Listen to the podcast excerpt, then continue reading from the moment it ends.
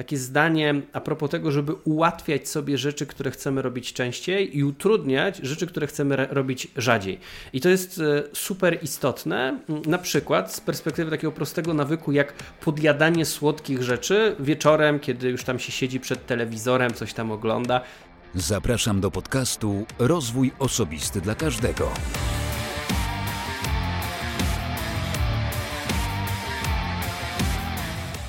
Cześć. Ja nazywam się Wojtek Struzik, a Ty będziesz słuchał właśnie 132 odcinka podcastu Rozwój Osobisty dla Każdego, który nagrywam dla wszystkich zainteresowanych świadomym i efektywnym rozwojem osobistym.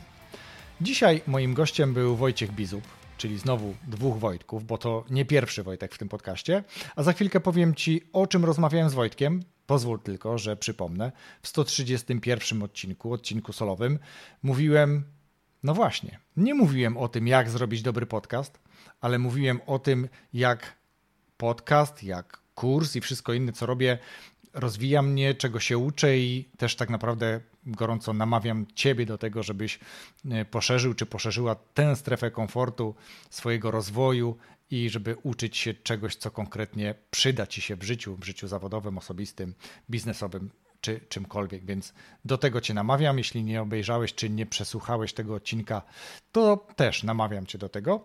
Zanim jeszcze zaproszę do rozmowy z Wojtkiem, to podziękuję swoim patronom, których pełną listę zobaczysz w opisie tego odcinka podcastu, ale także w innych odcinkach podcastu.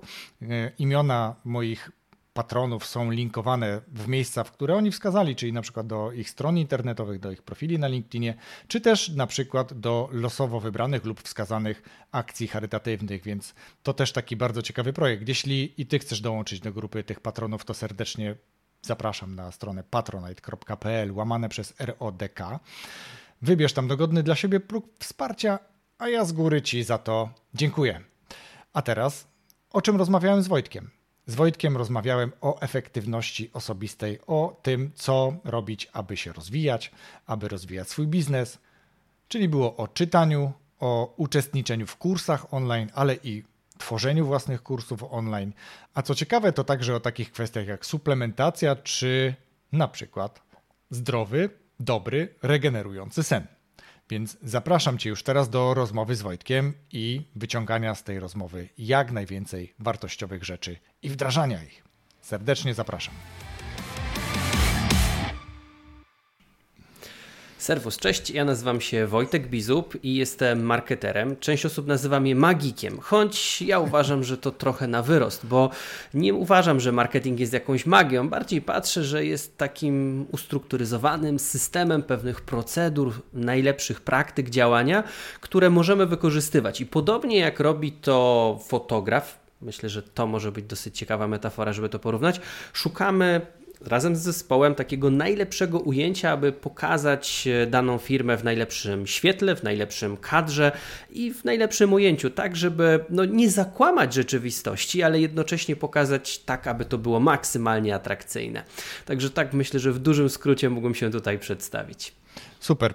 Myślę, że do tego tematu też możemy nawiązywać w trakcie naszej rozmowy dzisiaj, ale zanim do sedna rozmowy przejdziemy, to pozwól, że zapytam Cię tradycyjnie o to, co zawsze pytam swoich gości, czyli zacznijmy od tego, co jest Twoją pasją albo jakie masz pasje, Wojtku. Wiesz co, prowadzę mocno siedzący tryb życia. To znaczy, dużo rzeczy po prostu robię tutaj przy komputerze siedząc, więc moja pasja e, według takiego klucza, który stosuję, musi być aktywna. E, I, I, coś, co mnie od wielu, wielu lat e, pasjonuje, myślę, że mogę to tak powiedzieć, to jest, są sporty siłowe i sporty walki. Tak się też składa, że właśnie teraz nagrywamy, a na 21 mam już umówiony trening, gdzie idę tam trochę poboksować, więc myślę, że to jest taka takie miejsce, w którym z jednej strony się odstresowuję, z drugiej strony poprawiam swoje umiejętności i zresztą bardzo to lubię, bo myślę, że to taka męska rzecz, żeby się trochę wyładować energetycznie e, w takiej zdrowej idei sportu. Mhm. A oprócz tego oczywiście to jest forma aktywności, czyli też nie tylko luzujesz swój umysł, jak powiedziałeś, odstresowujesz się, ale generalnie dbasz o swoją sprawność, prawda? Więc to też jest no, coraz bardziej istotne. Współpracuję z ludźmi na odległość, e, trudno mi e, się wyładować na nich fizycznie, e, więc po prostu trzeba znaleźć sobie jakieś miejsce, gdzie mogę te emocje z siebie wyrzucić. Mm, to jest, to jest taki mój sposób spędzania wolnego czasu. Super, świetnie. No to kolejne pytanie z serii tych ulubionych mm, i pewnie trochę więcej też o tym porozmawiamy później, ale jak ty widzisz, jak rozumiesz rozwój osobisty? Dla mnie jest to. Hmm, to jest y, coś, co się cały czas robi i to się nigdy nie kończy. Mm, to tak jak z płaceniem podatków, one też się nigdy nie kończą i są coraz większe. Rozwój osobisty też jest y, coraz y, czymś mocniejszym. Ja myślę, że jest pewien taki przekoloryzowany mocno obraz takiego nazwijmy, nie wiem, coachingowego rozwoju osobistego, ale dla mnie rozwojem osobistym jest również to, że na przykład uprawiam sport, rozwijam się osobiście w jakiejś dziedzinie, to, że uczę się na przykład gry w szachy, która rozwija interdyscyplinarnie wiele obszarów. E, uczę się, mm, czego się jeszcze uczę, języka angielskiego, to też jest rozwój mnie jako osoby. E, w każdym jakimś tam swoim wystąpieniu podnoszę swoje umiejętności, no i to też jest jakiś rozwój. Czyli myślę, że rozwojem osobistym będzie to, gdzie wszędzie wyciągając jakieś wnioski, mając jakiegoś trenera, mając jakiś wzorzec działania, idziemy do przodu w obszarze, który nas personalnie dotyczy. Tak myślę, że dosyć rozległa ta definicja, ale jednocześnie ujmująca to, jak rozległy jest właśnie rozwój osobisty. No właśnie, tak e, spuentowałeś na końcu, to chciałem też dodać, że taka twoja e, reguła, czy taka twoja opinia na temat rozwoju osobistego, jak ten rozwój osobisty szeroki jest, no bo przecież on dotyczy, tak jak sam powiedziałeś zresztą, obszarów zarówno tej aktywności fizycznej, e, umiejętności uczenia się i później wykorzystywania przecież te, tego, czego się nauczyliśmy i o tym też chwilkę sobie z pewnością porozmawiamy. I A jak to jest według ciebie? To znaczy, jaka jest według twoja definicja taka, powiedzmy, no jeżeli prowadzisz podcast o tym tytule, to myślę, mhm. że masz jakąś zanadrzu. Wiesz co, y, nie, właśnie o to chodzi, że nie mam zanadrzu, dlatego dlatego pytam e, swoich gości i bardzo podoba mi się to, jak oni odpowiadają. Oczywiście większość ma elementy wspólne, czyli właśnie e, poprawianie jakichś swoich obszarów, uczenie się danych e, dyscyplin czy danych przedmiotów, tak jak powiedziałeś, teraz uczysz się języka angielskiego, uczysz się wielu innych rzeczy, bo też mówisz o tym w swoich materiałach, zresztą dzielisz się tym, jak się tego uczysz, y, jak to robić dobrze. I to jest właśnie jakby sedno chyba tak naprawdę, czyli takie, ja, ja do tego dodaję coś, co zawsze mówię na początku swojego podcastu, czyli świadome i efektywne, świadomy i efektywny rozwój osobisty, czyli jeżeli ja wiem e, czego, a z, z, czasem dowiaduje się jak, no to to jest jakby jak najbardziej świadome i później to wykorzystuje, bo jakby kluczem jest wykorzystywanie, żeby trochę odczarowywać ten rozwój osobisty tylko po to, żeby się rozwijać, żeby uczestniczyć, nie wiem, w szkoleniach, e, konferencjach i nie wiadomo co tam jeszcze, jak ten chomik w kółeczku, tylko żeby coś z tego zostało, coś co możemy wdrożyć do naszego takiego życia prywatnego czy zawodowego. Ja sobie zawsze zakładam, że być chociaż 1% lepszą wer wersją siebie albo lepszym w danym obszarze umiejętności. I myślę, że to każdego dnia, kiedy dokładamy sobie po tym procenciku, to jest wystarczające. Dokładnie. Myślę, że do tego też 1% e, możemy nawiązać dzisiaj, bo zakładam, że też pewnie jesteś po lekturze być może e, atomowych nawyków. E, jeśli nie, to pewnie Jestem. czegoś innego. No właśnie, tam też dużo o tym 1% jest, więc zostawmy na razie ten temat, przejdziemy do niego za chwilę. A ja chcę Ciebie zapytać o, mm, no właśnie, o to, co już zaczęliśmy, co Ty też sam zacząłeś, bo słuchałem Twoich podcastów, zresztą Twoje podcasty, mm, jeden, co najmniej jeden odcinek poleciliśmy w naszym projekcie Najlepsze Polskie Podcasty, ale też widzę, że Dziękuję. Bardzo proszę. Mm, ale też widzę, że y, skłaniasz się też w kierunku YouTube'a, żeby również tam przekazywać swoją wiedzę, swoje doświadczenia, co też jest bardzo to ciekawe. Jest eksperyment YouTube, tak to nazwę. Wiesz co, e, myślę, że to jest taka naturalna kolej rzeczy, że w ramach swojego rozwoju, rozwoju swoich kompetencji, na przykład podcasterskich, bo przecież jesteś też podcasterem, też publikujesz, e, gdzieś w pewnym tak. momencie włączamy sobie tą poprzeczkę, podnosimy ją trochę wyżej, włączamy właśnie kamery i zaczynamy publikować też wersję wideo i eksperymentujemy. Ja zacząłem eksperymentowanie od odcinków solowych, no ale mamy już dwie rozmowy z gośćmi i ten odcinek będzie trzecim odcinkiem e, z gościem, który będzie dostępny również wideo. Ale właśnie, ponieważ e, jesteś dostępny również w formie, formie wideo, chociaż ja uwielbiam podcasty, to jednak skłaniam się też do tego, żeby podglądać, co robią inni. Właśnie też trochę po to, żeby się podciągnąć, żeby się nauczyć, zobaczyć, jak to jest zmontowane, jakie, jakie ciekawe rzeczy się tam pojawiają.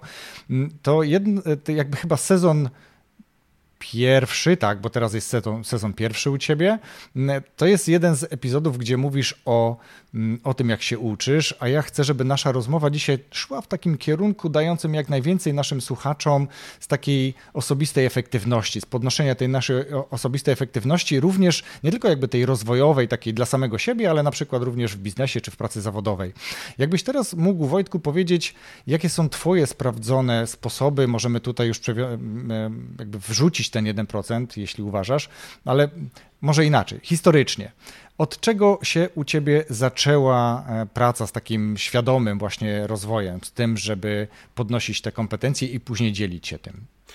Wiesz co, Wojtek, powiem Ci, że to jest e, tak trochę śmiesznie i ktoś mi tam powiedział, żebym tego nie powtarzał, tej frazy, mhm. Mm, ale ja, ona jest prawdziwa dla mnie, dlatego nie mam z nią problemu. Ja jestem troszeczkę dzieckiem sali szkoleniowej różnych polskich trenerów i to, co u mnie widać, czy tutaj gdzieś po tej stronie, tu jest cała ściana zresztą z mhm. certyfikatami z różnych szkoleń, to jest gdzie to jest tylko część tego, co przeszedłem, y, gdzie właściwie cały mój taki rozwój osobisty to jest ten typowy rozwój, który mm, uczy sprzedaży, komunikacji, wystąpień, negocjacji, zarządzania zespołem, czymkolwiek to na tamtym etapie etapie dla mnie było bardziej sloganem niż jakimś zrozumieniem czegoś, ale uczy y, przeróżnych kompetencji, które składają się na umiejętność, której nie ma, czyli umiejętność pod tytułem biznes, no ale ona składa się z szeregu, szeregu mniejszych takich rzeczy, które są niezbędne, aby działać. I ja po prostu tak sobie założyłem, że co najmniej dwa dni w miesiącu spędzę na sali szkoleniowej,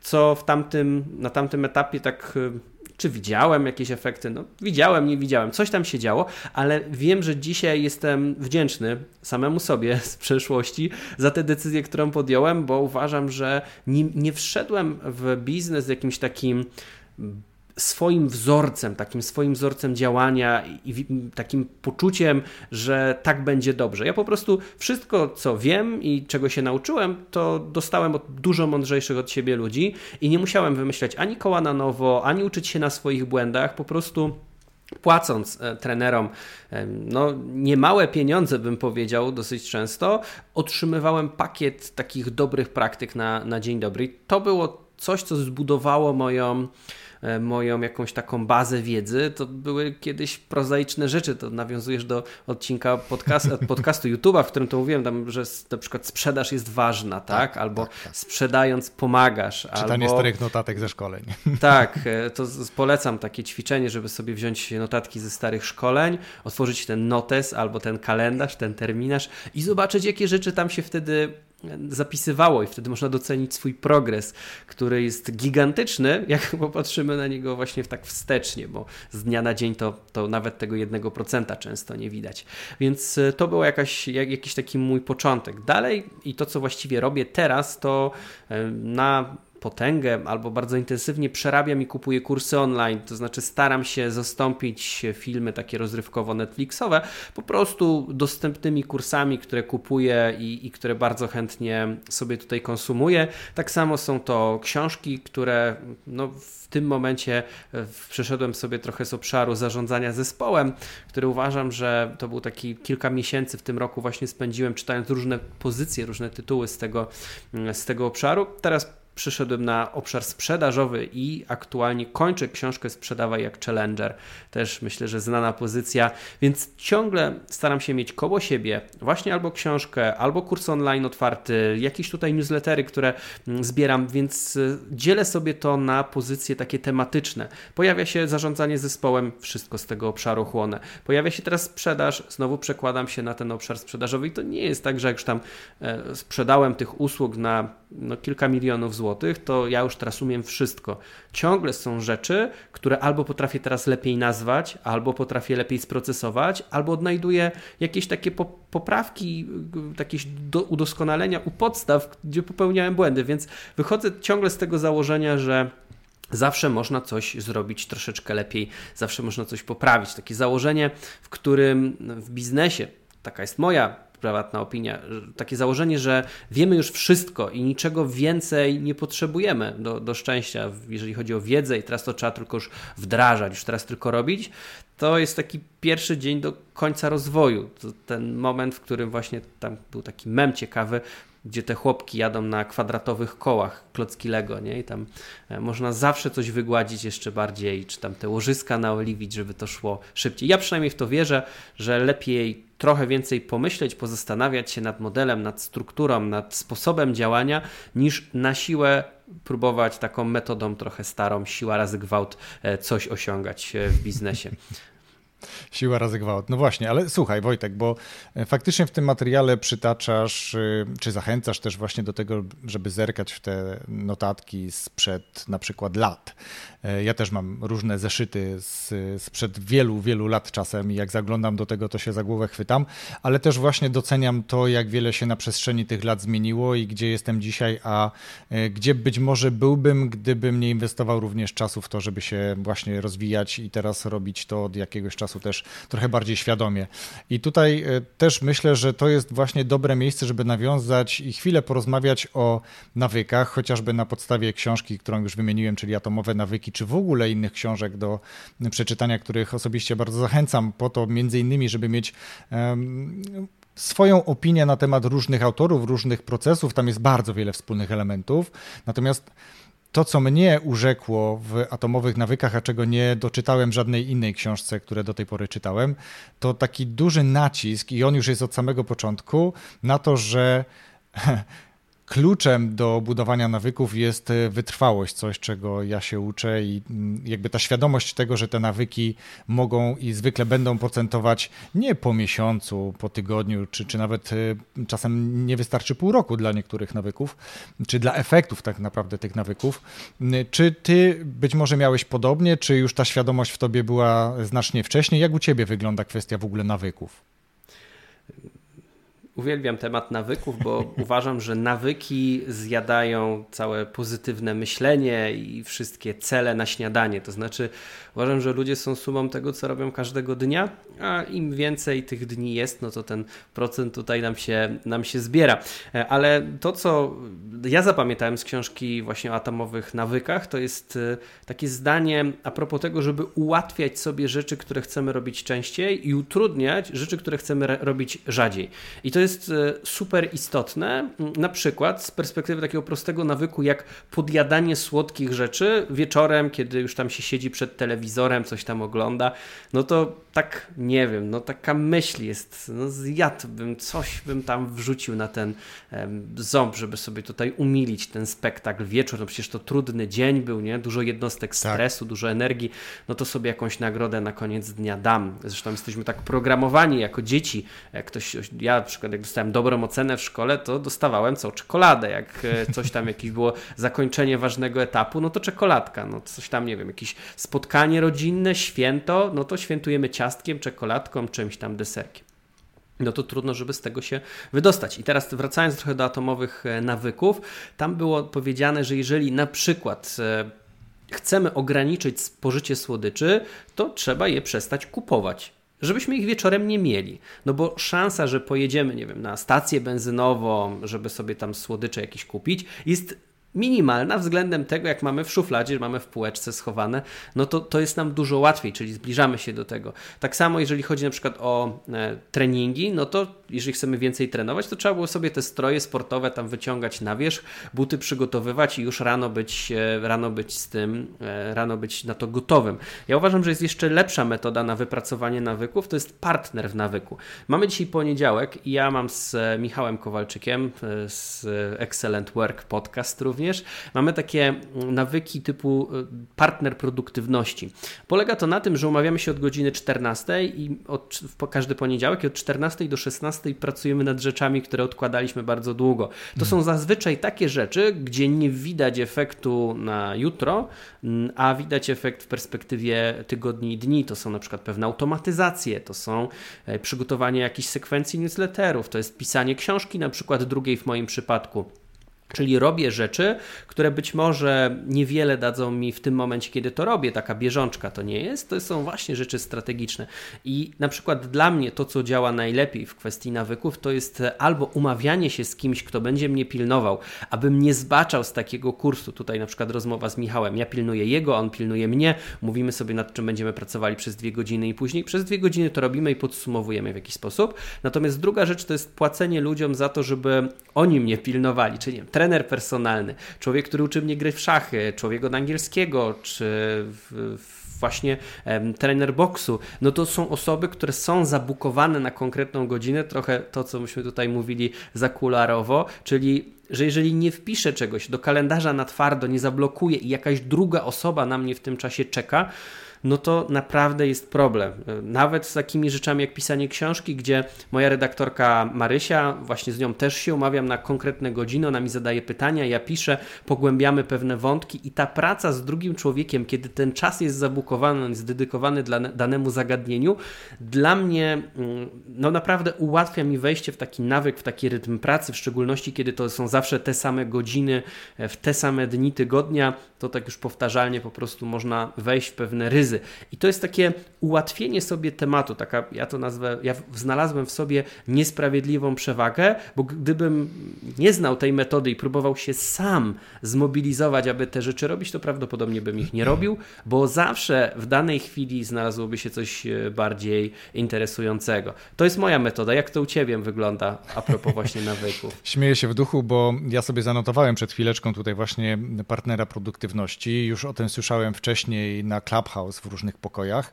E, I wtedy, e, ponieważ zwykle e, słuchałem spacerując, nie miałem za bardzo możliwości zanotowania, no to zanotowałem teraz.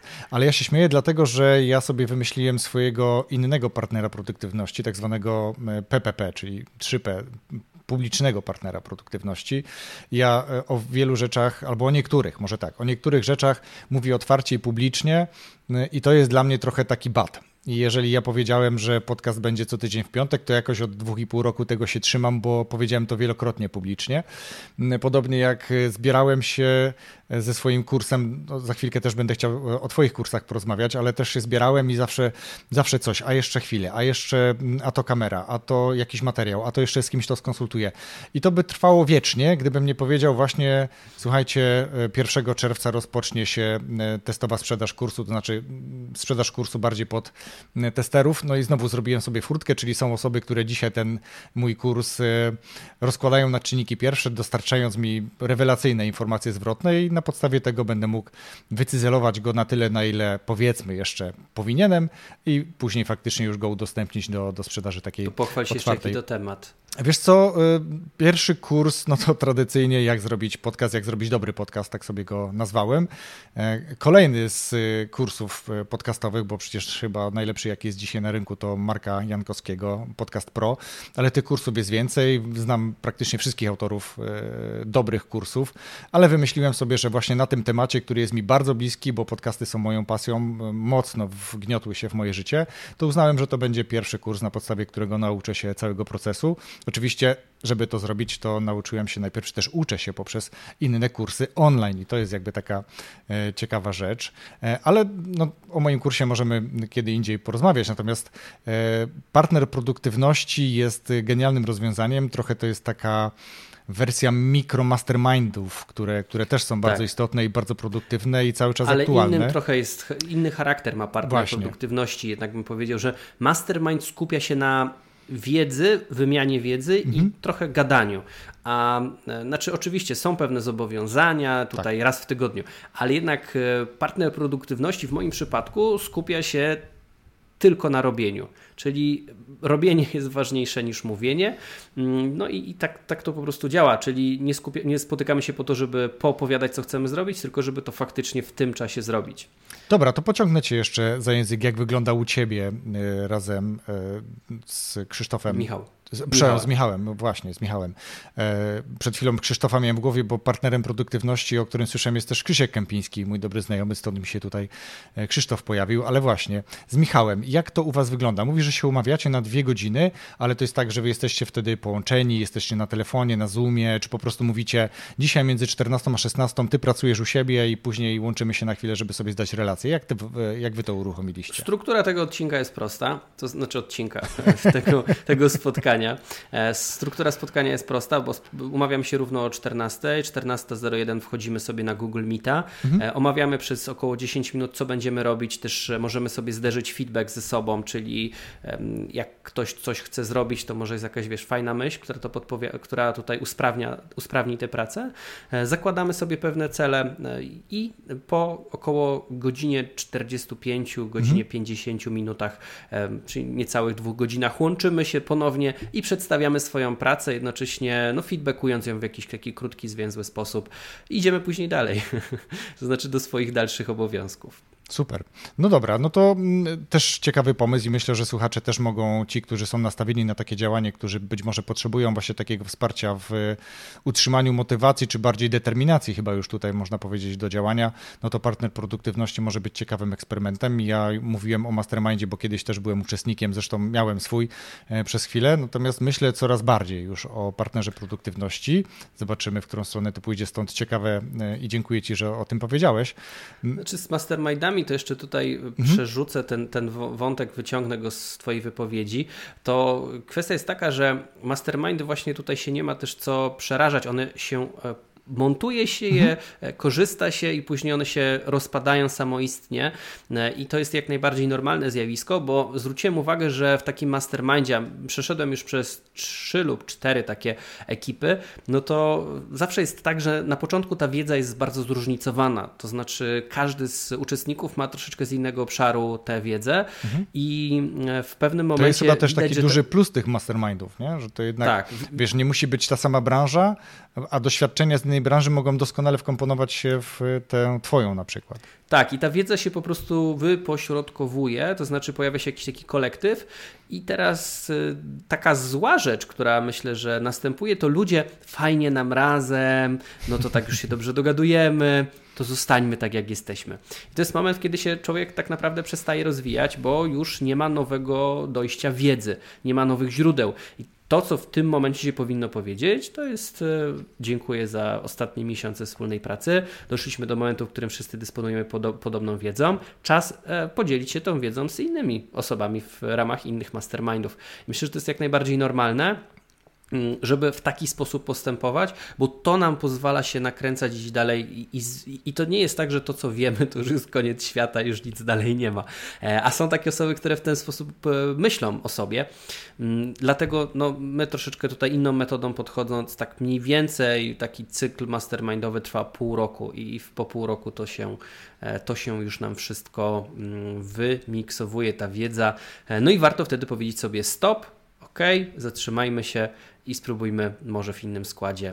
Nie Dokładnie znaczy, że to tak. będzie lepszy, milszy, ale będzie znowu dostęp do innych spostrzeżeń, innych punktów widzenia, innych bodźców, e, w innych celów e, danych uczestników. I to myślę, że jest coś, co nas tutaj mm, nie wiem, wyróżnia, nie wyróżnia, chociaż zawsze, żeby coś sobie pomiksować i rozszerzyć. No tak, różne know-how, różne doświadczenia, czyli znowu wychodzenie poza jakąś strefę komfortu. E, uśmiecham się, ale generalnie tak po prostu jest, że faktycznie ucząc się nowych rzeczy, wychodzimy poza jakiś taki krąg swojego takiego bezpiecznego Wspomniałeś, poczucia. że rzuciłeś temat, e, rzuciłeś temat na blat u siebie YouTube'owy, żeby, że to jest rozszerzenie pod podcastu. I jak to powiążesz w kontekście tego, o czym teraz rozmawialiśmy, bo przyznam, że ja też zaczynam e, w ogóle YouTubeowanie, jeżeli tak można powiedzieć. Mój brat jest w to dużo lepszy, bo ma prawie 900 tysięcy subów. Wow. On mnie tam szkoli z e, całego tematu, ale jak to, jak to u Ciebie to przejście z podcastu do wideo wygląda? Bo to dosyć ciekawy wątek pewnie dla wielu słuchaczy. Wiesz co, dziękuję Ci za to pytanie. Ciekawe, że E, że gość zadaje też pytania. Bardzo Ci za to dziękuję. Natomiast. E, no nie, po prostu jestem ciekawy tego, co robisz, bo jesteśmy na podobnym etapie, nie? Takiego przezbrajania trochę. Tak, tak. Wiesz co, to jest jakby. Pod wieloma względami zupełnie inny. To tak jak my przy chwilę przed nagraniem upewnialiśmy się, że na pewno dobrze rozumiemy to, że będziemy nagrywać wideo, a nie tylko widzieć się podczas nagrania podcastu stricte. To są przecież dwie różne rzeczy, bo wtedy tak. mm, owszem, już śmialiśmy się, że od pasa w górę e, wyglądamy jak wyglądamy, natomiast e, nie będzie tajemnicą, że pod koszulą, w sensie dół to krótkie spodenki, no bo dzisiaj bardzo ciepło i, i, i gdybym takie zdjęcie wrzucił, a kto wie, może wrzucę, no to, to wygląda zabawnie, ale właśnie, to jest, to jest trochę tak, e, jak przypomina mi się kiedyś rozmowa jednego z osób, jednej z osób, które prowadziła chyba koncert życzeń, chyba pan Krawczyk się nazywał, albo Szewczyk, Szewczyk chyba. E, I on powiedział, jaka jest różnica między radiem a telewizją. A może to był man, Wojtek? No nie wiem, ale wiesz jaka jest różnica? Mhm w telewizji się zaciąga krawat, a w radiu się luzuje, więc tutaj jakby też w e, podcaście jest swobodnie, jeśli chodzi o kwestię na przykład tego wyglądu, chociaż to nie ma jakby reguły, tak, bo można się czuć swobodnie bez względu na to, co, co się ma. Natomiast jeżeli już wiążesz to z jakimś swoim wizerunkiem, no to też nie wystąpisz w podkoszulku obdrapanym, który w samym audio no nikt nie wie, że masz podkoszulek, e, a tutaj już kiedy udostępniasz wersję wideo, no to i wiesz, że ktoś na ciebie patrzy, no to też inna gestykulacja, inne przygotowanie sprzętu. W podcaście byłbym pewnie tyłem, opierając się o swoje biurko, które jest z tyłu, a do wideo stoję odwrotnie, tak żeby mieć tło regału z książkami, a nie kuchni, gdzie czasem ktoś się może krzątać. Są lampy, tak jak też u ciebie lampy. E, ty jeszcze opuściłeś dodatkowo e, rolety, ja tak stoję, żeby to gdzieś tutaj się nie odbijało jeszcze w moich okularach i staram się... światło nie mieszało. Wiesz, tak, nie? Żeby, żeby, żeby nie Wiesz, bo jak popatrzę tak, no to za chwilę będzie widać już w, w moich e, okularach odbijające się światło. Dokładnie. Więc jakby jest, jest faktycznie od tej strony technicznej dużo zmian e, i jakby to, że ja zerkam sobie w notatki, które tutaj poczyniłem, albo czynię sobie notatki gdzieś tutaj w trakcie, jak my sobie rozmawiamy, no to w przypadku e, podcastu, kiedy jest samo audio, notuję swobodnie, notuję częściej. W rozmowie z gościem wtedy też mu mówię, słuchaj, nie będę non-stop patrzył na ciebie, kiedy rozmawiamy, bo w trakcie naszej naszej rozmowy będę czynił notatki albo przeglądał notatki. W wideo jest trochę trudniej. To jest jakby dla mnie taka chyba największa różnica, jeśli chodzi o kwestię wideo, tego co później jest na YouTubie, ale też taka, że na przykład ja kamerę, gdzie widzę ciebie, mam ciut niżej, a kamera, która montuje, czy która będzie później dostępna dla e, widzosłuchaczy, czy słuchaczy i widzów, jest ciut wyżej, więc jakby nie patrzę stricte na ciebie i nie patrzę w kamerę, żebyś ty widział, że patrzę na ciebie, tylko patrzę w kamerę jeszcze w ogóle inną, więc tutaj jest, jest coś takiego, co, co, co jeszcze powoduje we mnie pewnego rodzaju dyskomfort, ale no właśnie, jest to też ciekawe doświadczenie i, i zobaczymy, jak to będzie wyglądało na przykład za pół roku albo za rok. Ja to, co właśnie w Twojej wypowiedzi też widzę, czy słyszę bardziej można powiedzieć, to jest złożoność, gigantyczna złożoność YouTube'a, e, czy też materiału wideo versus tego, że jak mówimy do mikrofonu, to po prostu mówimy do mikrofonu i mówimy na, do mikrofonu i na tym się wszystko kończy. A tutaj pojawiają się właśnie światła, pojawia się kontekst tła, pojawia się barwa głosu, pojawia się wystrój całego pomieszczenia, swój własny ubiór, e, to jak gestykulujemy i wszystkie te inne rzeczy, które są istotne dla materiału wideo. Ja jeszcze patrzę sobie na takie analizy YouTube'owe, które pokazują, które kanały się przebijają. I niestety, ale e, są takie kwestie, które powodują, że kanał idzie bardziej do przodu. To jest dynamiczny montaż, to są częste cięcia, tak zwane jump cuty, to są birole, które się pojawiają, które ilustrują to, co się dzieje. I teraz y, jakby to tak y, prosto tutaj w dwóch zdaniach powiedziałem, ale przygotowanie takiego odcinka, który zawiera chociażby podbicie poszczególnych kwestii takimi krótkimi klipami audio, na przykład przesuwania czegoś albo swajpowania, albo jakiegoś, nie wiem, błędu, różne takie rzeczy na YouTube mhm. się pojawiają, no to to wydłuża czas montażu i przygotowania takiego odcinka dwu, trzykrotnie. Tak. E, I teraz e, bardzo trudno jest, albo to trzeba było mieć wybitnie ciekawy, interesujący content, żeby samym nagraniem prosto w twarz e, pojedyncza osoba, solo odcinki się e, w jakiś taki znaczący sposób przebić. I teraz, e, jak człowiek to wszystko weźmie pod uwagę, to jednak podcast jest dużo łatwiejszym miejscem i mniej zatłoczonym niż na przykład właśnie taki kanał na YouTubie. I tak, tak trochę ważę w jedną, w drugą stronę, w co warto się zaangażować, bo mniej więcej dla mnie, żeby też to tak w jakiś sposób danymi porównać, to dla mnie przygotowanie odcinka podcastu to jest jedna trzecia przygotowania czasu odcinka odcinka YouTube'owego. Trzy razy szybciej robię podcasty niż e, YouTube.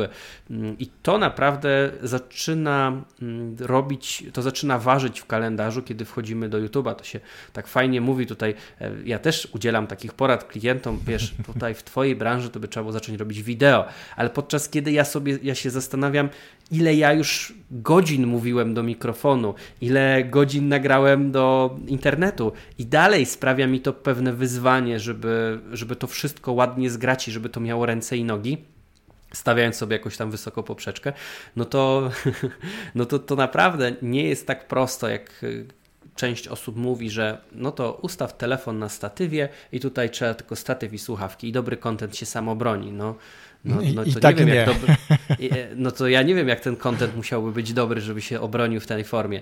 Zazwyczaj te same osoby, które udzielają tych porad, że wystarczy telefon, same nagrywają sprzętem za 20 tysięcy, nie? Tam. Ale to już tak pominę. Jasne. E, to jest, o, w ogóle taka parodia ciekawa pojawiła się na YouTubie mhm. gościa, który tam na samym końcu, znaczy pokazuje, jak cały swój sprzęt ustawia i potem w jednym zdaniu kwituje Najważniejsze zdanie w 2020 sprzęt nie ma znaczenia, nie? a tam chłop po prostu studio filmowe ma całe. E, więc fajną parodię goś zrobił mm, no tak, właśnie tego. E, ale e, powiem ci, że ja mimo wszystko, pomimo, że jakby zdecydowałem się, że odcinki solowe, a teraz też niektóre odcinki z gośćmi, którzy są na to gotowi i otwarci, będę zamieszczał w formie wideo, po to, to ja. żeby się właśnie, tak, dziękuję ci bardzo, po to, żeby się też tego uczyć i, i za chwilę być może też móc dokonać jakiejś analizy tego, co się dzieje na YouTubie, bo na razie jakby nie poświęcam temu chyba w ogóle czasu tak naprawdę. E, przyznam, że nie wiem ilu nawet e, ile osób subskrybuje mój kanał e, Rozwój Osobisty dla każdego, ale to właśnie też pokazuje, że to nie ma dzisiaj dla mnie też większego znaczenia, bo ja zbyt wiele serca chyba tak naprawdę też zostawiłem podcastom i ono tam jest, bo jakby w moim odczuciu podcasty pod wieloma względami wygrywają. No już nie tylko czasem, o którym powiedziałeś i jakby tym zaangażowaniem, e, jeśli nie czasu, to, to, to pieniędzy, no bo przecież komuś to delegujesz, a montaż audio kosztuje inaczej niż montaż audio i wideo. To jednak e, uniwersalność audio jest taka, że ja sobie mogę uruchomić podcast, iść sprzątać, prasować, e, coś robić, co nie wymaga jakiejś koncentracji, ale jest to jakaś machinalna, automatyczna czynność. No, a w momencie, kiedy oglądam wideo, no to po coś oglądam? Chciałbym jednak e, widzieć też to, co, to, co słucham. Nie? Tu mam taką ciekawostkę. Odrywa, odrywa jakby tą, tą uniwersalność podcastu od wideo. A, a propos tego, co mówisz, że podcast to jest druga rzecz, którą wykonujemy. Ja sobie w pewnym momencie stwierdziłem, że jak podcast jest taką rzeczą, właśnie tylko słuchamy, no to jak ja sobie tak podkręcę swoją szybkość mówienia z naturalnej o 10% do przodu e, i to będzie takie bardziej gęste wtedy, bardziej konkretne, e, to będzie lepiej. no i myliłem się, bo bardzo spadł mi watch time, e, to znaczy ludzie, dla ludzi to było za szybko to mówienie, ale nie było za szybko, kiedy się tylko tego słuchało, tylko kiedy jechałeś samochodem i tak. tego podcastu słuchałeś, to było to nieznośne. Nie wiem, kiedy ktoś chciał coś jeszcze myć, jakieś naczynia albo nie wiem, iść biegać, to się nie dało. No po prostu to było za szybkie. Mm, I teraz znowu spowolniłem, znaczy ustawiłem bez przyspieszenia i znowu te watch time wróciły, czyli mm, właśnie to jest pewien sposób, w jaki konsumujemy nośnik typu podcast i tam niekoniecznie szybciej, gęściej będzie znaczyło lepiej, bo trzeba wziąć pod pod uwagę sposób i środowisko, w jaki ludzie konsumują sobie te podcasty. Mm, więc to, to też jest e, taka świadomość tego nośnika, na przykład kwestii, kwestii Twojego kursu online'owego, gdzie no, może jest dużo kursów e, w, w tym temacie, czy tam kilka, no ale myślę, że każdy wnosi coś dodatkowego i jest miejsce, żeby z innej, innej tak. strony, z innej pary ust e, się dowiedzieć o Zdecydowanie tak. A propos przyspieszania, ja to zawsze zostawiałem słuchaczom i sam jako słuchacz też decydowałem, który podcast chcę przyspieszyć, a który nie, a który absolutnie, na przykład anglojęzycznych w ogóle nie przyspieszam, dlatego że wtedy po prostu nie rozumiem. Czyli jakby nie ma sensu tak słuchanie nie? takiego bełkotu wtedy, a już jak mówią jacyś nowojorczycy, to, to już jakby zupełnie nie. Natomiast właśnie w podcastach to niech decyduje sobie słuchacz, czy on chce słuchać szybciej, bo ty mówisz wystarczająco wolno, czy na przykład y, treść nie jest jakaś tam super ważna, ważna i on po prostu chce przesłuchać, nie wiem, dwa, trzy materiały i zobaczyć, co z tego wyłuszczy dla siebie najistotniejszego, bo w podcastach jest ważne czasem to jedno zdanie. To nawet nie tylko w podcastach, ale to jest właśnie coś, co nie musisz słuchać 100% w maksymalnym skupieniu, tylko e, trafić na, na ten taki, nazwijmy to może zbyt przerysowując, ale taki efekt wow. Mm, ale Wojtku, e, ja chcę teraz przeskoczyć do tematu kursów, bo od jakiegoś czasu jesteś też autorem. E, ja tak siebie jeszcze nie mogę nazwać, ale bardzo mnie to ciekawi, bo coraz więcej też wiedzy ciągnę z nie tylko już podcastów, ale właśnie też z kursów, które są bardziej jakby dedykowane konkretnym kompetencjom, konkretnym rzeczom, które, które chcę poznać na przykład. E, a jak to było u ciebie? Czy ty najpierw, pewnie tak, konsumowałeś e, kursy jako, jako kursant, a później uznałeś, że to jest też świetny mm, motyw do skalowania Twojego biznesu i zrobiłeś e, kurs, kursy. Jak to wyglądało? Super pytanie, e, bo u mnie to trochę było tak, że w 2016 postanowiłem wydać pierwszy kurs online. On dotyczył planowania marketingu. Nie, pierwszy dotyczył chyba copywritingu. Pierwszy dotyczył copywritingu. Mm, no i gdzieś tam sobie go zacząłem składać i, i tworzyć. I to był moment, kiedy tak naprawdę zbyt wielu kursów online nie przerabiałem. Ja dopiero po tym roku stwierdziłem, że po 2016-17 to był przełom. Postanowiłem, że wejdę głębiej, mocniej i zacznę mocniej analizować to, co się dzieje na rynku. A tak to po prostu stwierdziłem, no co, ja nie dam rady kursu nagrać, więc, więc sobie tak zacząłem te rzeczy składać. No i teraz to, co tak ja mogę powiedzieć o tym pierwszym moim materiale, to był najlepszy, na jakim, na jakim nie było stać w tamtej chwili, ale najgorszy z perspektywy wszystkich. Myślę, że to w ogóle jest pewna taka. Hmm, taka rzecz, która się dzieje, że w pierwszym kursie staramy się dać z siebie jak najwięcej merytorycznie, nie do końca zastanawiając się nad formą, konsystencją tego, co dajemy i jednocześnie taką oprawą. Też, no, umówmy się, kiedy ja tam w 2016 założyłem swoją firmę, to końcówką roku jeszcze mnie tam nie było stać na takie sprzęty, jakie mam na przykład tutaj, żeby, żeby nadawać. No po prostu robiłem tym, co miałem i jakoś to musiało wyglądać. Done is better than działać. perfect. Ale na tamten ten moment, no to był mój po prostu maks. Do teraz gdzieś tutaj, o właśnie tą, e, tą lustrzaneczką nagrywałem ten kurs, jakimś tam mikrofonikiem, który też mam e, do teraz, no ale e, no to, to, to nie był taki sprzęt, jak na przykład to, z czego nagrywam tutaj i teraz, nie? Mm, ale to są fajne wspomnienia, bo gdybym wtedy nie zaczął od pierwszego, to prawdopodobnie nie robiłbym teraz takich materiałów, jakie robię. Czyli generalnie też zacząłeś od kursu, a dopiero później byłeś kursantem innych. Można tak to ująć. Pewnie jakieś tam sobie przerobiłem wcześniej, mhm. ale większość rzeczy, których się nauczyłem z kursów online, nauczyłem się po wydaniu swojego własnego. Pamiętam jeszcze miałem taki system, tam Akademia, przez który można było to sprzedawać, nawet nie swoja platforma VOD. No i e, to było, to było naprawdę mm, takie ciekawe doświadczenie, jak w ogóle się uczyłem, że to jakieś faktury, coś, jakieś zwroty. Ach, wspomnień, czas e, wrócił. Oj tak, przyznam e, Tobie rację, dokładnie tak samo ja dzisiaj jestem na takim etapie, bo zresztą nagrałem ostatni odcinek solowy, to był, nazwałem go zresztą tak jak tytuł kursu, czyli jak zrobić dobry podcast, chociaż on nie jest o tym, jak zrobić dobry podcast, tylko właśnie trochę o kursie i o tym, co on mi dał i też starałem się zachęcić innych do tego, żeby po prostu rozwijali się w pewnym obszarze, który ich pasjonuje, uczyli się nowych rzeczy, bo to jest niesamowite tak naprawdę, ile... Mm, no właśnie, ile nauczyłem się tworząc podcast, dalej, ile uczę się tworząc y, podcast w formie również wideo, bo to trudno nazwać wideokastem. E, no a tutaj jeszcze niesamowita przepaść, jeśli chodzi o kwestię kursu i tego wszystkiego, co się z tyłu dzieje, tak? No bo to, że nagrasz e, i on jeszcze będzie jakby dydaktycznie poprawny i faktycznie dowiezie kursanta z A do B czy z A do Z, jakkolwiek sobie chcemy powiedzieć, no to jeszcze jest całe zaplecze, którego ja albo nie doceniłem, albo nie wziąłem pod uwagę, czyli umiejętności sprzedażowe, sprzedaży online'owej, tak? Mam o tym pojęcie, ale jak to mówił mój wychowawca z technikum, ogólne pojęcie niezmącone znajomością rzeczy, więc teraz poznaję te rzeczy.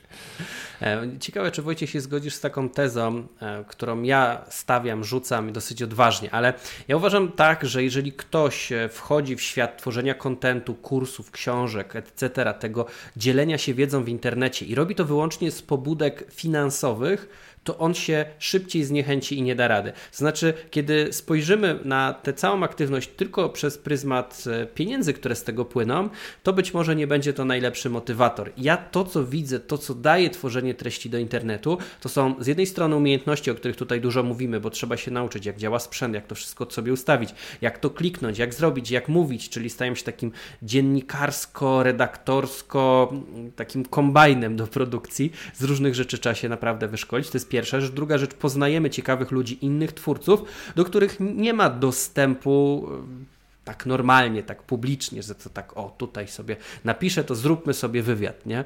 Mm, no, no nie działa to raczej w ten sposób i dopiero na trzecim miejscu gdzieś są pieniądze. I pytanie, e, jak ty na to patrzysz, czy być może cash is the king i tylko to się liczy e, I, i, to jest jedyna motywacja, czy jednak widzisz to szersze spektrum? Oczywiście tutaj w pewien prowokatywny sposób ciebie pytam. Nie, no myślę, że odpowiedzi możesz się spodziewać takiej, e, bo tak samo zresztą było z podcastem. Ja go uruchomiłem, jakby nie mając w ogóle e, takiego wyobrażenia, że kiedykolwiek złotówka z niego wpadnie.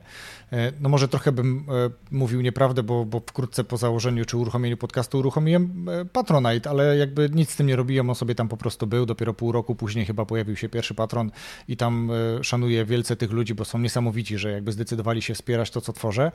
Mm, ale nie, to też jakby nie jest kwota taka, która mogłaby pozwolić, nie wiem, rzucam etat i, i, skupiam się na podcaście, więc jakby na pewno nie jest to pobudka finansowa.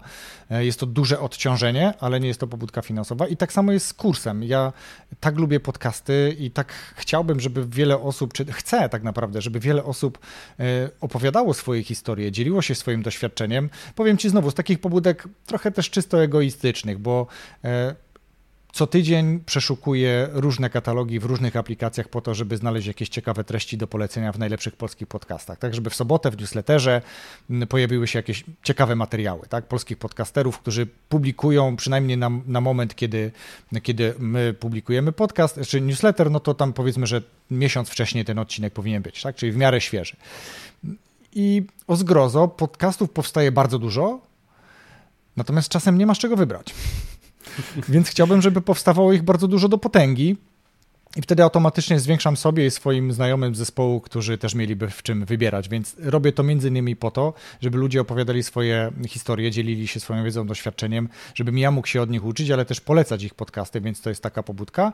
No bo przecież gdybym to robił stricte dla pieniędzy, to to chyba bym tego nie robił, bo nagle się okazuje, że to są też niemałe mm, koszty, tak? Gdyby montażystą, jakby tutaj jakim takim mocnym wsparciem technicznym nie był mój syn, tylko musiałbym to outsourcować, to nie zdecydowałbym się na to prawdopodobnie, tak? No bo mm, jakby nie prowadzę biznesu, który mógłby to finansować, jest to jakby moja zachcianka rozwojowa, tak, tak to sobie nazwałem, mm, ale w momencie, kiedy nauczę się już, to być może kolejny kurs czy kolejne kursy powstaną z takim zamysłem, że dobrze byłoby, żeby parę złotych z tamtych kursów wpadało, żeby na przykład finansować jakiś inny projekt, tak, albo coś w tym rodzaju. Więc to, to jak najbardziej też y, te pieniądze się pojawiają, ale nie są na pewno motywem głównym, dla, czy taką głównym motywatorem, dlaczego podjąłem decyzję o zrobieniu kursu, podcastu, czy czegokolwiek, czego się podejmuje.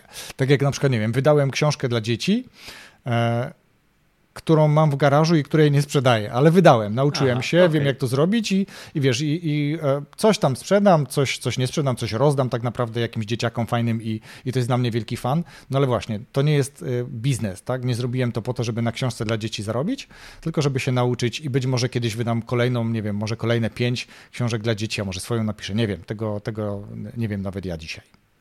Ale to jest w ogóle ciekawe, co powiedziałeś, że zbieramy sobie pewną publikę wokół siebie. To znaczy, na przykład ludzie mają jakąś tam publikę słuchaczy, e, znaczy tych oglądaczy YouTube'a, subskrybentów e, i potem wydają kurs, jeden, pierwszy. No i okazuje się, że ta sprzedaż, kurczę, tam w porównaniu do tych liczby subskrybentów, tych wyświetleń nie jest zbyt wielka. No tak, no bo ktoś do tej pory robił wszystko za darmo, dawał pełnowartościowy content, e, i miał oglądaczy, ale teraz to, czego, co potrzebuje zbudować, to potrzebuje sobie zbudować grupę odbiorców pod kursy online. To jest trochę inna grupa. Tak samo jest z podcastem, albo nie wiem, ktoś świadczy usługi, czyli ma klientów e, wokół siebie zebranych, którzy są zainteresowani usługami, kupnem czegoś, żeby wykonać za, za niego. Oni nie chcą się uczyć, więc tak naprawdę my wokół jednego obszaru tematycznego budujemy ko kolejną grupę odbiorców. I to, co fajnie powiedziałeś, że wydajesz jeden kurs, potem może się pojawi kolejny, ale każdy kolejny jest nam łatwiej sprzedać, bo już e, ten poprzedni zebrał nam grupę która jest zainteresowana właśnie uczeniem się w formie kursów online, bo to też jest jakaś tam tylko fragment naszej grupy docelowej, ci co, co te kursy przerabiają. To nie jest tak, że nagle wszyscy, którzy e, są wokół nas, to teraz się rzucą, żeby to kupić. No i to jest też często taki błąd, e, który, który jest popełniany przez początkujących twórców właśnie w takim obszarze wiedzy internetowej, tak to nazwijmy. Oj nie, to jest naprawdę dużo, dużo mm, czasu i nauki, ale też podglądania, uczenia się i rozmowy z innymi, którzy chcą się tym podzielić, bo to jest jakby też istotne, że nie każdy e, chce o tym opowiedzieć, chce wesprzeć zupełnie za darmo, a ci, którzy to robią, no to też trzeba do nich dotrzeć. Więc e, tak, ja to traktuję jako taki eksperyment rozwojowy, już nie tylko stricte rozwoju osobistego, ale też takich umiejętności biznesowych, bo kto wie, co będzie za 5 lat. Możemy o kursach porozmawiać za rok czy za dwa, zobaczymy, jak to faktycznie będzie u mnie wyglądało. E, ja raczej staram się e, nie zarzucać tych projektów, chociaż jeden jest zawieszony, bo druga książka dla dzieci jest już, e, jest, ma okładkę, ma, ma ilustrację, ma praktycznie wszystko, tylko wiesz, trochę za dużo srok chyba chwyciłem, czy staram się chwytać za jeden ogon, ale to być może za chwilę, bo ja teraz chcę zapytać Cię o mm, jeszcze jedną, a tak naprawdę dwie chyba rzeczy, poza tymi typowymi, które zwykle na końcu pytam swoich gości, bo strasznie zainteresowało mnie, czy też bardzo zainteresowało mnie to, co powiedziałeś też w którymś ze swoich materiałów. E, I jedną rzecz, o którą też później będę chciał zapytać, to coś, co sam zaobserwowałem. Pierwszą rzeczą to suplementacja. Czy to, co spożywasz, czy te suplementy, z których korzystasz, odczuwasz e, po jakimś okresie realny wpływ mm, i odczuwasz, nie wiem, poprawę jakości, koncentracji, skupienia, przyswajania wiedzy, cokolwiek takiego te suplementy ci dały? Czy dają? Mhm. Znaczy, trochę nie wiem, jak na to pytanie odpowiedzieć, bo to wiesz, to zależy, czy mówił o tych suplementach z receptą, czy bez. E, ale tak na, na. Zacznę może od. Nie, od, wiesz co, to nie owijając bawełnę, y, mówię o Sandowsie, więc jakby to, to tak. o, o e, tych okay. dedykowanych e, więc saszetkach. Sandows myślę, że jest czymś, co raz na jakiś czas sobie biorę, ale jak ja bym powiedzieć o takich normalnych suplementach, takich, któreś tam kupuję, omega-3, czy nie wiem, tam witamina C, B12, czy tam jakieś cuda, to fajnie jest je mieć, ale takich odczuwalnych e, skutków e, nie czuję się dosyć szybko. To znaczy, wiesz, to jest kwestia nie wiem, e, zachowania pewnej higieny organizmu, ale także ktoś powie, o teraz tutaj sobie wezmę, wypiję saszetkę, dwie, trzy albo jakieś inne suplementy, kupię jakiś kompleks witamin, to raczej jest dla osób, które mają moim zdaniem niedobory w diecie albo po prostu mają pewne przeciw, mają pewne wskazania do tego lekarskie, żeby, żeby się suplementować zewnętrznie. Ja to robię w ramach takiej higieny ciała, czyli raz na kwartał po prostu uzupełniam. Być może ktoś tutaj mnie zaraz wyjaśni w komentarzach i powie, że wcale nie, bo tam trzeba i w ogóle, że to dzisiaj nie ma znaczenia. I, I, za jakiś czas e, dopiero e, będzie, będę odczuwał pewne skutki, albo ktoś od, będzie odczuwał skutki braku pewnych substancji w długim okresie czasu. Natomiast to, co jak miałem powiedzieć, czy, czy coś mi daje jakieś skupienie, no to na pewno jest to kofeina. I kofeina w, w tabletkach, niekoniecznie w kubku kawy. Takie są do kupienia 200 mg. I powiem, że nic nie poprawia bardziej koncentracji niż po prostu u mnie wrzucenie sobie takiej, e, takiej dodatkowo do kawy tabletki wzmacniającej kofeinę, czyli nie samo to, żeby zrobić sobie 5 kubków kawy, pewnie to byłby taki ekwiwalent 200 mg, mm, no to, to tu po prostu zewnętrznie można na sobie coś takiego zaaplikować. Mhm. Niesamowite. I to faktycznie czuje, mhm. się, czuje, się, czuje się progres do tego, jeżeli się to I to natychmiast z tauryną, pewnie. E, no to tauryna jest transmiterem tego wszystkiego, więc w e, dużo, dużo lepszy efekt niż po samej e, kawie. To są mhm. jakieś takie moje patenty na to, jak jestem, jak potrzebny jest peak performance, a jednak e, sen czy tam, e, nie wiem, ciężki trening poprzedniego dnia wykluczają możliwości wspięcia się na swoje wyżyny intelektualne, no to można zawsze sobie zewnętrzny doping za aplikować. Wiesz co, z tymi suplementami to też może być tak, że ktoś powie mm, to Wojtku dokładnie tak jak z kremem. Dzisiaj y, używasz kremu po to, żeby za 20 lat y, nie mieć nie wiem, dużych bruzd, jakichś zmarszczek, więc być może te suplementy też faktycznie mm, można konsekwentnie pobierać, oczywiście zgodnie, czy też po konsultacji z jakimś lekarzem, czy też takim bardzo E, świadomym i rekomendowanym dietetykiem, prawda? Bo to, to raczej tutaj mówimy o suplementach ze strony dietetyków. Mm, ok, a dzięki. Natomiast druga rzecz, która mnie interesuje, bo widzę, jeśli się nie mylę, na palcu Ora Ring, e, jak tak. właśnie, jak, e, jak tutaj wrażenia z tego, nazwijmy to jeszcze cały czas gadżetu, ale takiego, no właśnie, jak ty go odbierasz, powiedzmy, czy powiedz mnie i słuchaczom. Największa co, może inaczej, może ci, którzy nie widzą, to powiedzmy, co to jest, a później co, co za korzyści Ora Ring, e, nie wiem, czy to będzie widać w ogóle, tutaj się może aparat nie wyzumuje. Ora Ring to jest taka pierścionek, e, który się nakłada na palec e, i on ma na celu mierzyć naszą aktywność w trakcie snu, mierzyć naszą aktywność na poziomie parametrów głębokości snu, długości tego snu, tego jak oddychamy, jak pracuje nasze serce, rytm zatokowy. I e, dzięki temu, że są tam pewne wyniki, on nam podaje, jak głęboko spaliśmy. Czy mieliśmy płytki sen, czy się przebudziliśmy, czy coś nam przeszkadzało, czy mieliśmy ten sen taki w trybie ciągłym. No i teraz e, z tego wychodzą nam pewne punkty. Te punkty są sprowadzane tam od 0 e, do, do 100 punktów i na tej podstawie jest określany nasz sen. No i teraz, e, jeżeli ktoś powie, czy tam jakieś to jest rewolucyjne odkrycie, ja bym powiedział, że rewolucja tutaj nie nastąpiła, ale nastąpiło coś dużo lepszego. To znaczy, zacząłem zwracać uwagę na to, co działa na lepszy sen i na to, co osłabia ten sen. To znaczy, zacząłem być bardziej świadomy, bo jak się zaczyna coś tam mierzyć, zaczyna się przykładać w pewne miejsca linijkę, no to trudno jest powiedzieć, że, e, że jest białe, jak jest czarne. No i teraz, e, co się zmieniło w takich nawykach snu, bo to myślę, że jest najważniejsze, mhm. to po pierwsze zdecydowałem się na zamontowanie klimatyzacji w sypialni, żeby obniżać temperaturę do około 18 stopni. Ktoś zaraz powie, że, że klimatyzacja osusza powietrze i to też negatywnie wpływa na sen, ale no, jeżeli mamy 27 stopni w sypialni, a mamy na przykład upały w letni letnie, le, lecie w Polsce, no to jest jeszcze gorzej, więc ja już wolę mieć chłodno. To jest pierwsza rzecz. Druga rzecz, absolutnie jakikolwiek alkohol przed snem, no to no nie, no to ta, zupełnie nasze serce szaleje w nocy, kiedy jesteśmy nawet po jednym piwie. To jest moja obserwacja. Czy to nie jest kwestia wypicia pół litra wódki, tylko tam jedno piwo i już jesteśmy zupełnie w innej fazie regeneracji. To, y, ten, ten, to serce będzie po prostu dużo intensywniej pracowało jest druga rzecz. Trzecia rzecz, wiele godzin przed jedzeniem nie powinno się jeść, jeżeli chce się dobrze spać. Kofeina maksymalnie do 13, 14 to tak góra, ale najlepiej do 12, mhm. bo statystycznie średnio, jak, jak podają badania, na które ja trafiłem, kofeina utrzymuje się we krwi przez 12 godzin. Czyli mimo, że nie czujemy tego hypu kofeinowego, to dalej ona się utrzymuje i nasz sen zaburza. E, co dalej jeszcze jest tutaj istotnego? To jest e, to, żeby wykluczyć przed spaniem wszelkie niebieskie ekrany.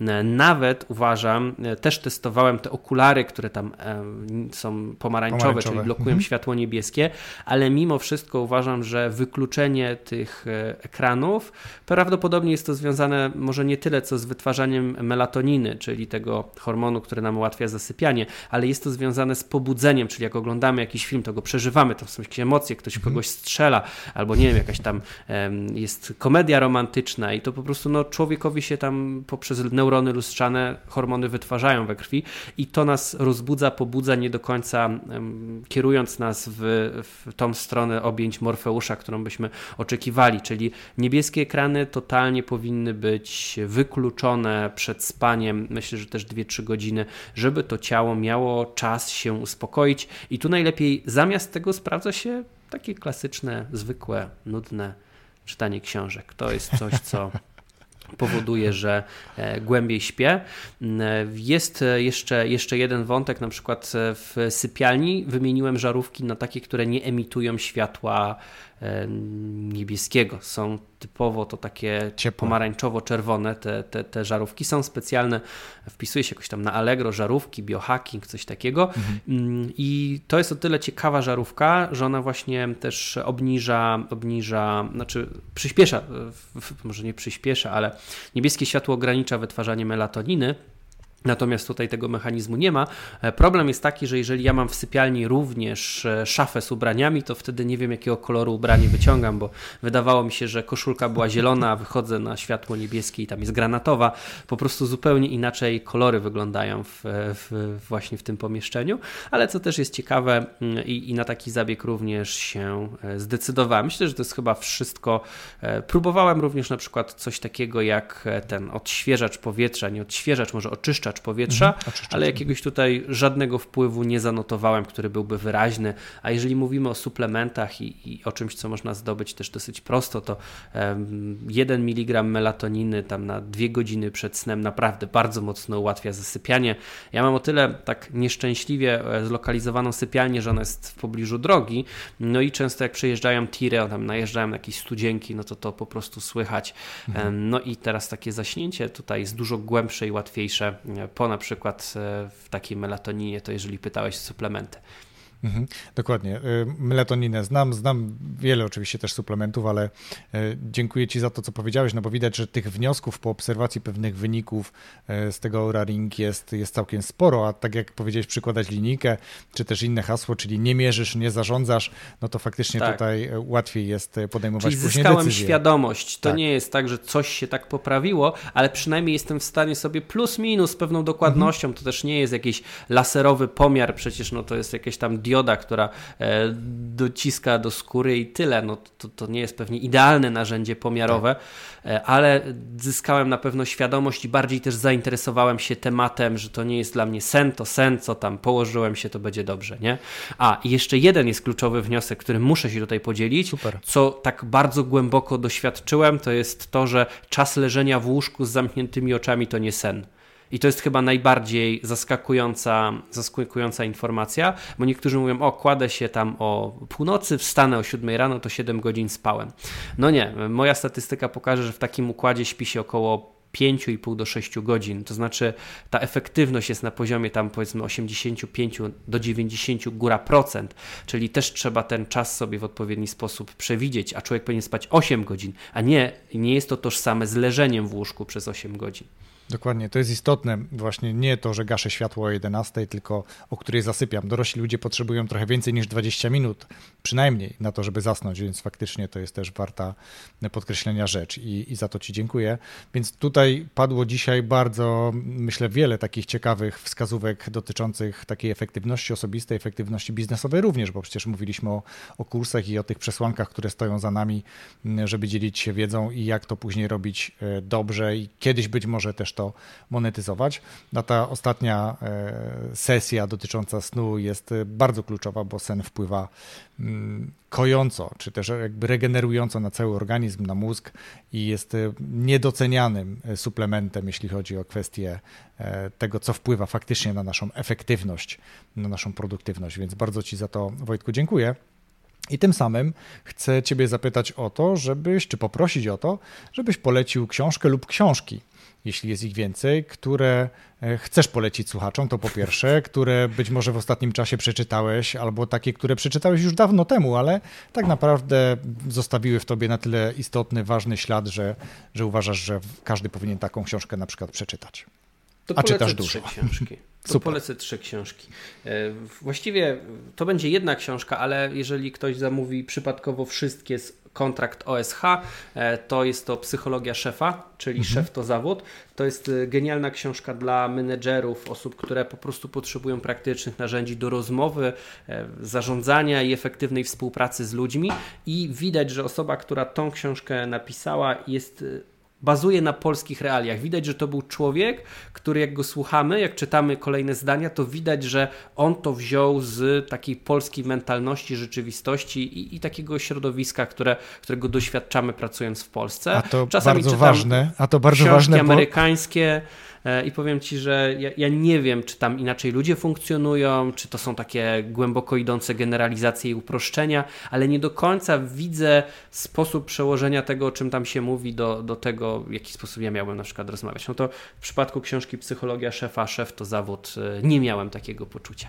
Mm, druga książka, którą myślę, że tutaj mogę e, polecić, to jest Sprzedawa jak Challenger. Ona dotyczy sprzedaży stricte, takiej sprzedaży jeden na jeden, takiej klasycznej i ona mniej więcej mówi to, żeby w kulturalny sposób pokazywać klientowi to, że się myli, że klient nie ma racji i on niech potrzebuje sprzedawcy do końca, który tak wszystko będzie protakiwał, tak, tak, dokładnie tak jest, dokładnie tak, dokładnie tak, tylko powie, no, mam trochę inny punkt widzenia, niech pan pozwoli, że go przedstawię. I tu przedstawia, i chodzi o to, żeby prze, że sprzedawcy, którzy w ten sposób postępują, mają zaskakująco dużo wyższe wyniki sprzedażowe niż osoby, które są takimi potako, potakiwaczami, bo klient czuje, że ma po drugiej stronie istotę myślącą, partnera w rozmowie, który wie więcej i może być dla niego pewnym źródłem wiedzy. Czyli ta książka troszeczkę też mówi o tym, o czym my wspominaliśmy, czyli żeby swój zwykły produkt pogłębić, poszerzyć o wiedzę i know-how, które my mamy, bo pracujemy w danej branży, bo działamy i mamy więcej doświadczeń. I to jest naprawdę dosyć ciekawy koncept. Myślę, że trzecia książka, którą mogę polecić, jak już tak lecimy e, taśmowo, e, to jest też gość, który działa w polskich realiach, to jest odczaruj marketing internetowy i to jest moja pozycja, gdzie jakbym e, nie polecił tak dobrej pozycji o marketingu, to po prostu byłbym złym człowiekiem i, i, i uważam, że powinno się ją przerobić, w szczególności dla osób, które są na etapie takiego przejścia z tym, że powodziło mi się dosyć dobrze w takiej sprzedaży tradycyjnej. E, buduję biznes na rekomendacjach, a teraz zależy mi na tym, żeby to klienci do mnie przyszli z internetu i żeby otrzymać od nich zapytania. Jak zbudować właśnie taki system, który pozyskuje od 30 do 50 zapytań od klientów, jak później z tymi zapytaniami, co zrobić, w jaki sposób podziałać, aby to nie były tylko zapytania typu tam e, halo, halo, ile kosztuje, a to za drogo, e, tylko żeby to do czegoś konkretnego prowadziło. Właśnie o tym jest ta książka, a oprócz tego tam rozprawiam się z masą mitów, e, tak odczarowuję dosłownie te błędy marketingowe i takie czasami naiwne założenia, które funkcjonują na rynku, no to właśnie takie 8 lat doświadczeń moich w pracy w marketingu zebrane na 286 stronach. Super. Bardzo dziękuję Ci za polecenie tych książek, za polecenie swojej książki w szczególności. Wszystkie te książki będą podlinkowane w opisie tego odcinka podcastu, więc e, zachęcam do tego, żeby też wejść na stronę Rozwój Osobisty dla Każdego łamane przez RODK 132 bo to będzie 132 odcinek mm, i tam sobie możecie te książki zobaczyć, a tak naprawdę też zachęcam do tego, żeby wejść w ogóle na stronę rozwoju osobisty dla każdego.pl łamane książki, bo tam są wszystkie książki polecane przez gości podcastu od początku tego podcastu i tego się już tam nazbierało. W tym miejscu dziękuję Violetcie za to, że pomogła mi to zebrać e, i to można komentować, można się wypowiadać, można czerpać stamtąd naprawdę bardzo, bardzo dużo, więc te książki też tam za chwilkę się znajdą. No i teraz takie miejsce, e, Wojtku, gdzie pytam o to, że ktoś, kto posłuchał tej rozmowy, uznał, że chce albo Ciebie gdzieś obserwować, albo być może zapytać o coś, albo zaprosić na przykład do swojego podcastu, bo tak też często się dzieje, to gdzie go odesłałbyś, gdzie najczęściej jesteś, albo gdzie lubisz odpowiadać po prostu?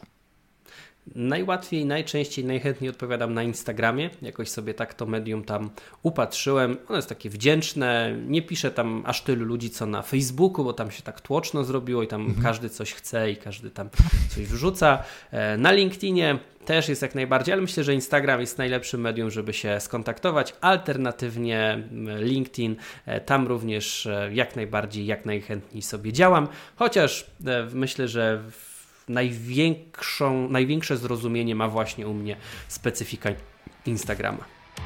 Rozwój osobisty dla każdego.